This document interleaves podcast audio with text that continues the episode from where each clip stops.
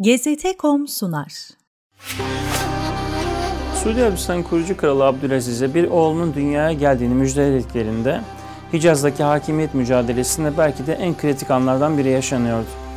Riyad'ı ele geçirmesinden hemen sonra 14 Nisan 1906 günü doğan erkek bebeğe dedesi Abdurrahman tarafından kahramanlığıyla nam salmış büyük dedelerinden birinin adı verildi. Faysal. Genç prensin annesi Muhammed bin Abdülvehhab'ın soyundan gelen Tarfe binti Abdullah'tı. Annesinin kendisi henüz 5 aylıkken vefat etmesiyle Faysal'ın eğitim ve terbiyesini dedesi Abdullah bin Abdüllatif ve anneannesi Haya üstlendi. Dedesinden aldığı etkili ve kapsamlı dini eğitim, Faysal'ın kişiliğini şekillendiren ana unsurlardan biri oldu. Babası Abdülaziz o sırada Arap Yarımadası'nı birleştirmek ve kontrolü altına almak için uzun süreli seferlere çıktığı için Faysal'daki baba figürünü dedesi tamamladı. Genç prens 10 yaşına gelmeden Şeyh Muhammed bin Musaybih eliyle Kur'an hıfzını tamamladı. 1919'da İngilizler o dönemde Arap Yarımadası'nda bir kabile lideri olan Abdülaziz'i Londra'ya resmi ziyaret için davet ettiklerinde babası kendisini temsilen 14 yaşındaki Prens Faysal Londra'ya gönderdi. 5 aylık süre boyunca Prens Faysal İngiltere ve Londra'da resmi temaslarda bulundu. 1922'de düzenlenen uzun bir seferle Hail ve Asir bölgeleri Abdülaziz'in yönetimi altına alındığında Faysal bu seferlerde ordu komutanıydı. 1925'te Faysal, Hicaz'ın ele geçirilmesi operasyonuna bizzat katıldı. Hicaz'ın Suudi yönetimine girmesinin ardından 1926'da Faysal, Hicaz Genel Valisi olarak atandı. Hicaz Valiliği görevi henüz 19 yaşındaki Faysal'a İslam dünyasının her kesimiyle temas kurma imkanı sağladı. Özellikle hac mevsiminde heyetlerin karşılanması, önemli kişilerle tanışmak gibi fırsatlar Faysal'ın zihin dünyasının gelişiminde de önemli bir rol oynadı.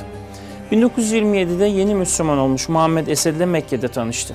Faysal'ın yakın ilgisi sayesinde Muhammed Esed Kral Abdülaziz ile de buluştu ve yıllarca Arabistan'da kaldı.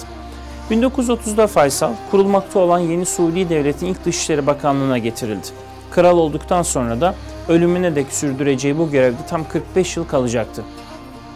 Faysal'dan sonra koltuğu devralan oğlu Suud tam 40 yıl aynı koltukta oturduktan sonra 2015'te görevini bırakacaktı. Faysal krallığın kuruluş yılı olan 1932'de Sovyetler Birliği'ni ziyaret etti. Vladimir Lenin'le bizzat görüştü. Aynı yıl Faysal bütün yaşamını ve idareciliği sırasındaki tercihlerini etkileyecek olan İffet Münire Es-Süneyyan'la evlendi. 1916'da İstanbul'da doğan geleceğin kraliçesi İffet'in büyük büyük dedesi 1. Suudi Devlet'in döneminde Riyad valisiydi.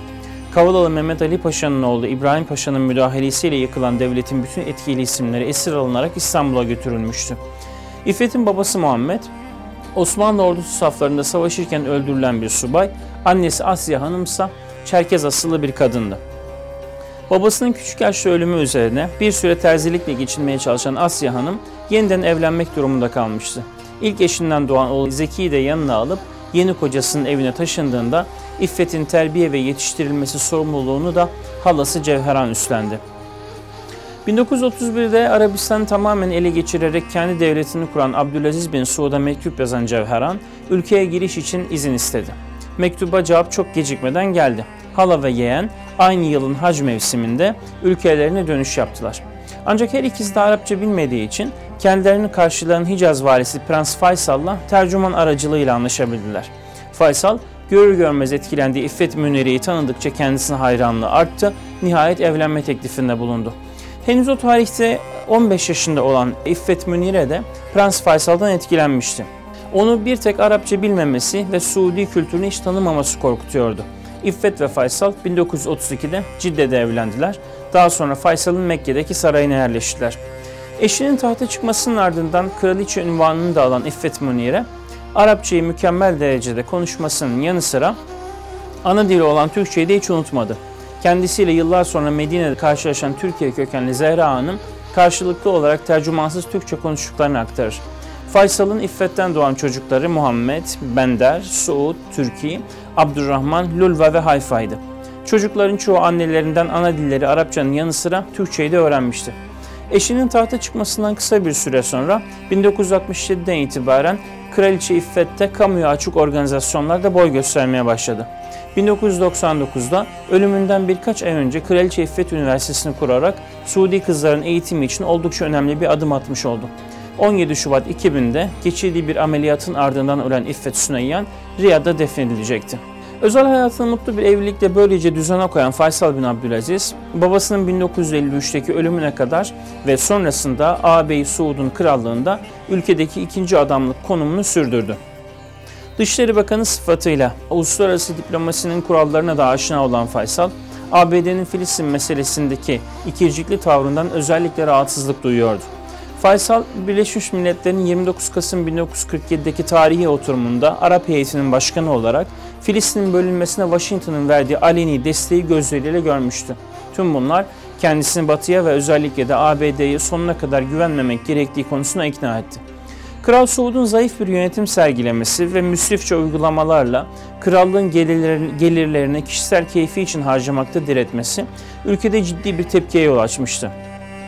Özellikle Riyad ve çevresinde inşa ettirilen lüks saraylar ulema sınıfının eleştirilerini de beraberinde getirdi. Faysal ağabeyinin israfının önüne geçmek için ciddi ekonomik tedbirler aldı. Devlet hazinesinin iflasını engellemek için önlemlerini sıkılaştırdı. Bu da ona özellikle halk arasında çok ciddi bir popülerite kazandırdı. 1963'te Kral Suud'un tedavi için yurt dışına gitmesine fırsat bilen Veliaht Prens Faysal, kritik noktalardaki birçok ismi görevlerinden alarak yerlerine kendisine sadık isimleri getirdi. Geleceğin krallarından kardeşi Abdullah, Ulusal Muhafız Birliği'nin başına atandı.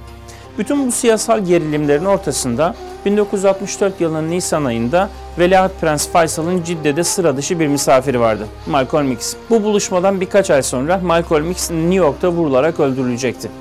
Kral Suud ülkeye döndükten sonra kardeşinin kendisinin yokluğunda yaptığı atamaları durdurmaya çalıştıysa da başarılı olamadı. Ulema sınıfı yayımladığı ortak fetva ile kralı görevi bırakmaya davet edince Suud'un tahttan çekilmek dışında şansı kalmadı.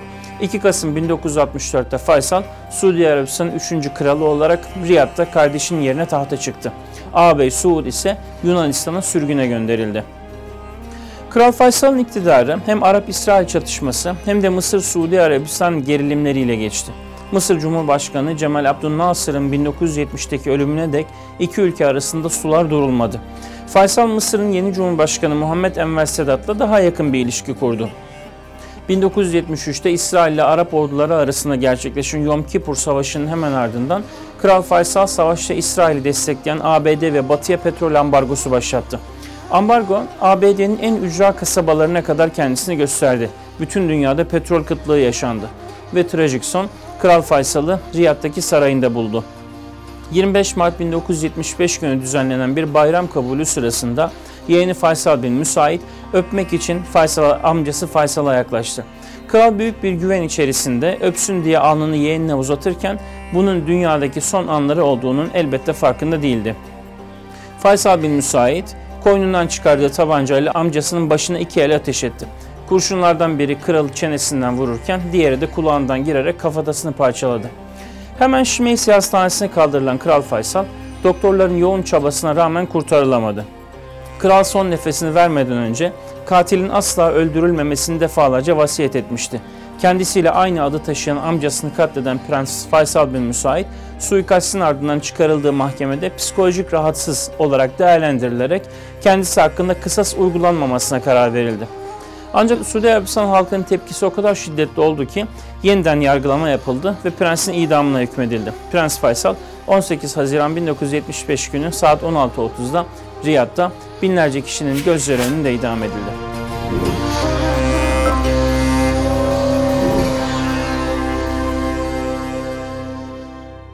GZT.com sundu.